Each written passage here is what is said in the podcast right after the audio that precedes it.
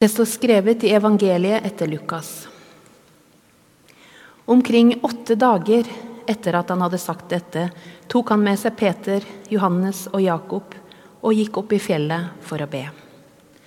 Og mens han ba, fikk ansiktet hans et annet utseende, og klærne ble blendende hvite. Med ett sto det to menn og snakket med ham.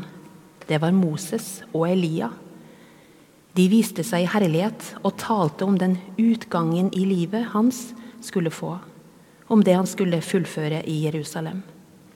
Peter og de andre falt i dyp søvn. Nå våknet de og fikk se hans herlighet og de to mennene som sto sammen med ham. Da mennene skulle til å forlate ham, sa Peter til Jesus, Mester, det er godt at vi er her. La oss bygge tre hytter en til deg, en til Moses og en til Elia. Han visste ikke selv hva han sa. Mens han talte, kom det en sky og skygget over dem. Og da de kom inn i skyen, ble de grepet av frykt. Det lød en røst fra skyen. Dette er min sønn, den utvalgte. Hør ham. Og da røsten lød, var det ingen annen å se, bare Jesus. Disiplene tidde med dette. På den tiden fortalte de ikke til noen hva de hadde sett. Slik lyder det hellige evangelium. Gud være lovet. Det er vinterferietid i Norge, og mange kommer til å dra på fjellet. Mange som vokser opp i dette landet, har fått inn med morsmelka at tur i fjellet gjør godt for kropp og sjel. I fjellet er luften klarere og tanken får større frihet. Utsynet blir større og horisontene utvides, er det en del som sier. Det har vært mange fjellturer i mitt liv også.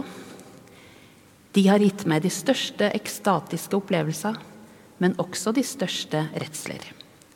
For fjellet er både skremmende og tiltrekkende. Fjellet er litt som mysterium tremendum et fascinosum. Jf. religionsfilosofen Rudolf Otto sin kjente definisjon av det hellige. Både skremmende og tiltrekkende. I tidligere tider var nok ikke fjelltur noe en gjorde frivillig. Det var gjerne forbundet med arbeid, at budskapen skulle gjetes, at sauer skulle sankes.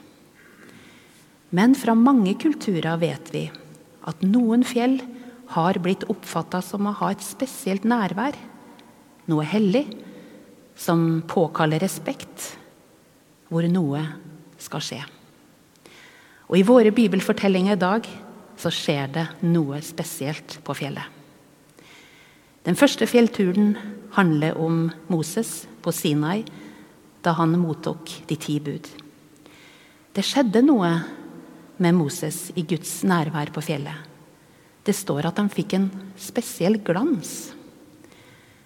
Og denne glansen har vært vanskelig for bibeloversettere å finne ord til. Det finnes det synlig bevis på, hogd i stein. For det hebraiske språket, som Det gamle testamentet er skrevet på, har bare ordstammer.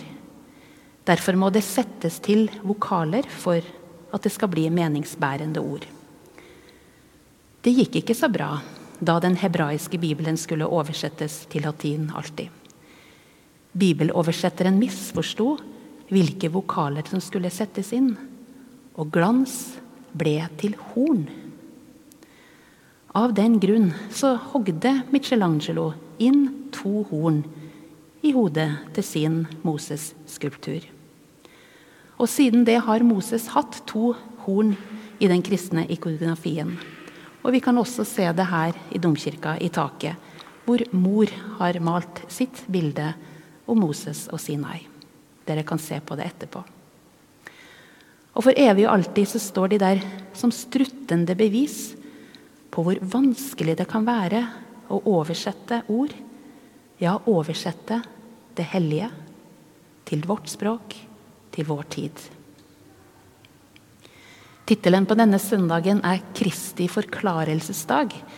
Og det gir i hvert fall med en forventning om at vi skal komme tettere på en forklaring om hvem Kristus er. Men med det første, i det evangelieteksten vi leste, så er det ikke så mye forklaring på fjellet. Det er like så mye forvirring. Ikke så rart, kanskje, når to skikkelser fra Det gamle testamentet, to hellige menn, inntar scenen. Moses og Elia. Peter blir kanskje det vi kaller starstruck. Han snakker over seg, slik en ofte gjør når en treffer folk en har respekt for eller ser opp til. Det virker som Peter mister litt kontakten med seg sjøl. Han foreslår at de kan campe der oppe. Ja, For han er fjellturen fascinerende, tiltrekkende, noe som han gjerne vil at skal vedvare. Men det skifter fort, og plutselig blir det veldig skremmende. De blir redde når en sky skygger over dem. Og alle som har vært på fjellet i klarvær, men som brått blir overraska av tåke, vet hvor kritisk det kan være. Men det er også skyen som redder dem. For så blir det stille. Tåken klarner, og de ser bare Jesus. Bare Jesus. Jeg tror det er inngangen til å forstå denne fortellingen. For det er det det handler om. Hendelsen er et frampek om det som skal skje videre. Videre i Jesus sin fortelling mot påske. For der på fjellet får disiplene på fjellet høre om utgangen på livet til Jesus utgangen på en livet. Det er jo en underlig måte å snakke om død på. Men her ligger det mange lag med minner og mening. For et av Bibelens viktigste forestillinger om frigjøring er fortellingen om folkets utgang. Exodus, eller utgang fra slaveriet i Egypt, med Moses i spissen. Og Det er kanskje ikke så tilfeldig at det er dette ordet som benyttes. Jesu utgang. Hans død og oppstandelse forvandla verden. For det han fullførte i Jerusalem, ga nytt håp og nye drømmer også til oss. Om frihet. Om å finne tilbake til oss selv. Finne forsoning med oss selv og alt det skapte. Det er det som åpenbares for oss i forklarelsens høyder. Men her i vår verden må vi fortsette med å oversette det hellige. Jeg tror ikke det finnes noen oppskrift på hvordan vi skal møte eller forstå det hellige. Noen kan like at troen er litt som en spesiell hendelse på fjellet. Litt over alt det andre. Noen kan like de sterke inntrykkene, det som er annerledes fra det vanlige livet. Andre og kanskje er det der jeg er, er mer tilfreds med å forstå at det helliges glans i verden er midt i alt. Midt i hverdagen, midt i det skapte. Det helliges glans kan synes der vi minst venter det. Kanskje synes jeg å se at det helliges nærvær er mest gjenkjennelig der hvor menneskene opplever barmhjertighet. Når slitne mennesker fra gata får komme inn på møtestedet i Skippergata her nede og får servert et måltid mat for en rimelig penge. Da kan en se lysglansen både til de som deler ut, og de som mottar.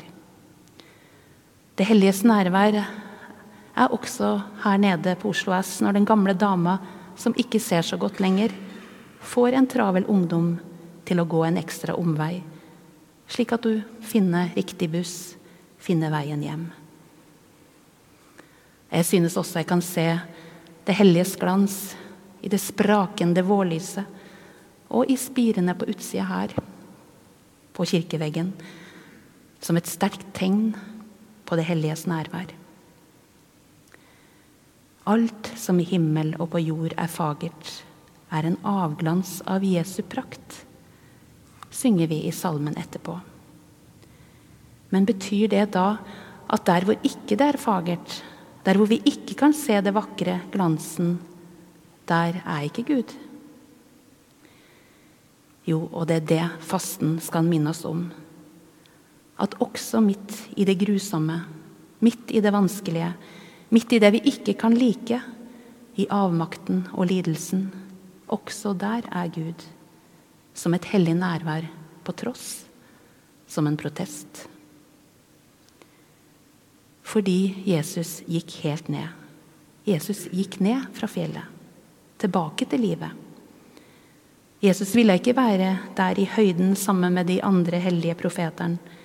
Jesu opphøydhet og herlighet handler ikke om å være hevet over livet. For Jesus gikk helt ned, til menneskenes liv, slik det er, og helt inn i døden. Og utgangen derfra, det er fortsatt vårt håp. Ære være Faderen og Sønnen og Den hellige ånd, som var og er og blir en sann Gud fra evighet og til evighet. Amen.